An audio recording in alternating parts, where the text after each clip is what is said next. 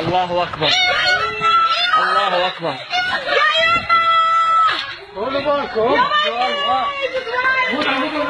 الله أكبر.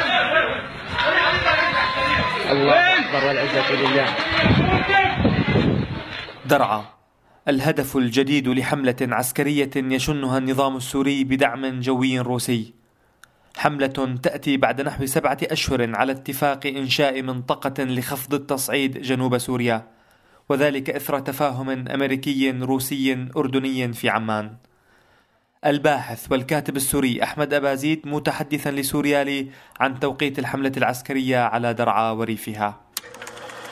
يعني أنا أنا أعتقد انه انه روسيا هي كانت تنظر إلى جميع المناطق اللي شملتها في اتفاق خفض التصعيد.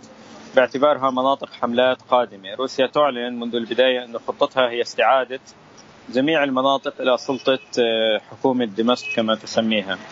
آه، لذلك ولكن كان عندها اولويات، أعتقد اتفاق الجنوب كان عنده قدرة على على الاستقرار والتماسك أكثر من اتفاقيات الأستانا باعتبار وجود الضامن الأمريكي. لكن آه، أنا أعتقد أن روسيا هي لديها قناعة بعدم جدية الولايات المتحدة في سوريا خاصة في المناطق التي لا تتواجد فيها قواتها بشكل مباشر. ولذلك بعد أن انتهت من الغوطة الشرقية بعد أن انتهت من الجيوب جيوب الجيش الحر الأضعف يعني في ريف حمص الشمالي مثلا. في ريف حمص الشمالي في القلمون. وهي التي يعني سقطت أو صار فيها اتفاقيات بشكل أسهل مما حصل في الغوطة أو حلب. هي انتقلت إلى المرحلة الأخرى في الجنوب. والمرحلة التي بعدها يعني أكيد ستكون في إدلب باعتبار أن التفاهمات التركية الروسية هي أيضا ليست تفاهمات نهائية. آه، وروسيا تنظر إلى أنه هي جادة في استعادة المناطق أكثر من جدية. الدول الأخرى في في يعني استمرار نفوذها أو وجودها في هذه المناطق. آه، لذلك هي توجهت إلى الجنوب اليوم بعد ما انتهت من ملف الغوطة الشرقية وملف الجيوب المحاصرة. آه، كان هناك نوع من اختبار جدية الضامن الأمريكي في ضمان الاتفاق. وتبين أن الأمريكي هو ليس لديه هذه الجدية يعني كما توقع كما توقع الروس. كان هناك حالة من التنسيق أيضا تنسيق الروسي الإسرائيلي الذي نتج عنه الحملة الأخيرة. آه هذا التنسيق الذي تجلى يعني عبر زيارات متبادلة وعبر تصريحات أيضا ركزت على الوجود الإيراني وعلى انسحاب القوات الإيرانية وتوجت مؤخرا يعني توجت من جهة بالقصف الإسرائيلي على القواعد الإيرانية في سوريا ثم بالهجوم بالهجوم الروسي وهجوم النظام ومع وجود قوات إيرانية أيضا على مناطق المعارضة والثوار في الجنوب. عشرات القتلى من المدنيين سقطوا منذ بدء الحملة العسكرية. بينما نزح ما لا يقل عن ثمانين ألف مدني وفق مصادر إعلامية ناشطة في محافظة درعا. هذا فيما أعلن الأردن رفضه استقبال المزيد من اللاجئين السوريين. عن الموقف الأردني من التصعيد العسكري الجاري الباحث أحمد أبازيد. أنا أعتقد أن الأردن هو يعارض يعارض بشكل جدي تجدد الحرب في الجنوب. هو ينظر إلى أن الاتفاق خفض التصعيد هو ضمن له استقرار لمدة عام كامل على حدوده وكان يطمح أكثر من ذلك إلى, استقر... إلى أن ينعكس ذلك على استقرار اقتصادي أكبر على على بلاده. فكان يطمح إلى فتح معبر نصيب وعودة الحركة التجارية ما بين الأردن وسوريا كما كانت من قبل. لكن هذا الاتفاق حول معبر نصيب منذ منذ الاتفاق الماضي منذ اتفاق الهدنة في تموز 2017 كان هناك مفاوضات حول إعادة فتح معبر نصيب لكن لم تنجح. مفاوضات يعني مع مع جانب الجبهة الجنوبية الجيش الحر من جهة ومع النظام أيضا. لكن لم لم يتم التوصل إلى صيغة مرضية للطرفين. ولذلك لم ينجح الأردن في فتح معبر نصيب أو آه، في أن يكون معبر نصيب هو بوابة لاستدامة الاستقرار في المنطقة باعتبار أنه في مصالح اقتصادية ستكون مشتركة للأطراف هناك. لكن أحمد آه أليس يعني ليس من مصلحة الأردن أن يت أن يسيطر النظام على المنطقة من أجل إعادة فتح المعبر واستئناف الحركة التجارية؟ يعني أعتقد أن الأردن ليس لد...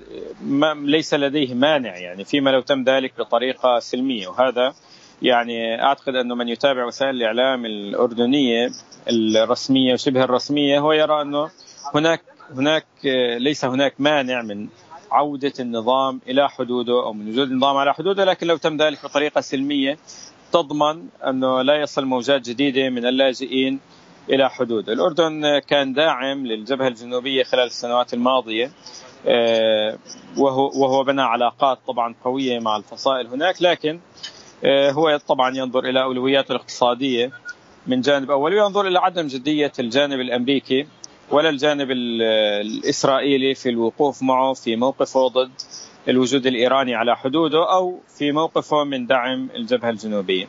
أعتقد أن الأردن كان أكثر جدية من ال من ال من الأمريكي في دعم اتفاق خفض التصعيد في الجنوب وفي المحافظة أيضا على سيطرة الفصائل هناك لكن آه، أعتقد الموقف الأردني تراجع أيضا مع الموقف الأمريكي مؤخرا وبات بات بات يرى أن الروسي هو من يمتلك زمام الأمور في المنطقة هناك. الهجوم العسكري على درعا يلي استعادة النظام السوري لسيطرته على الغوطة الشرقية وريف حمص الشمالي والقلمون الشرقي. فماذا عن موقف فصائل المعارضة السورية في الجنوب السوري؟ أحمد أبازيد مجيبا. يعني حتى الآن الفصائل في المنطقة هي ترى أن خيارها المقاومة والصمود في المنطقة. وهي ترى أنه ما زال بإمكانها صد تقدم النظام وحملته في بصرى الحرير واللجاء آه، أو في درع البلد كما حصل سابقا. لكن العامل الجديد في في الحالة الراهنة هي عامل التدخل الروسي. الطيران الروسي لا شك أنه هو من حسم المعركة في حلب هو من حسم المعركة في الغوطة هو من أجبر الفصائل في القلمون الشرقي أو ريف حمص الشمالي. على قبول اتفاقيات الخروج. آه، فيما بعد الغوطة الشرقية خاصة بات هناك قناعة بعدم جدوى مقاومة التدخل الروسي. آه، الفصائل في درعا ما زال ربما لم تصل إلى هذه القناعة وما زالت تطرح خيار مقاومة الحملة. وهي ترى أنه آه، ليس لديها مانع من التفاوض مع الروس لكن لا يمكنها التفاوض من موقع ضعف أو التفاوض كما حصل في الغوطة الشرقية أو في القلمون لأنه هي ليس لديها خيار الخروج إلى الشمال ليس لديها أي امتداد في الشمال. آه، وفي ذات الوقت حدود الأردن آه، لن تكون مفتوحة لها. الأردن اليوم صرح وزير الخارجية أنه نحن لن نستقبل المزيد من النازحين واللاجئين. لكن في ذات الوقت الأردن والجانب الأمريكي هم لم ينجحوا.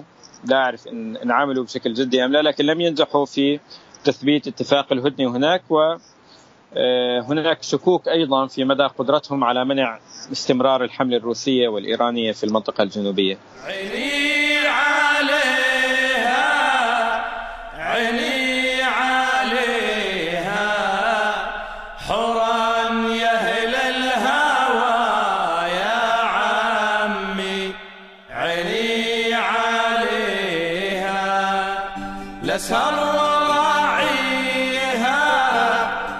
سر وراعيها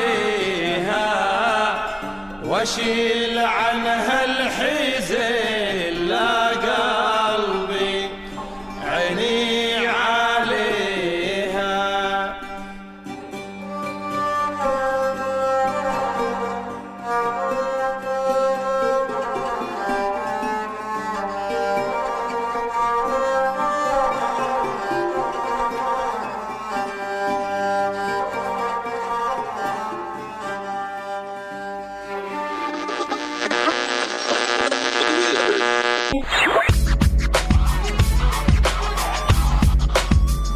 تسمعوا راديو سوريالي.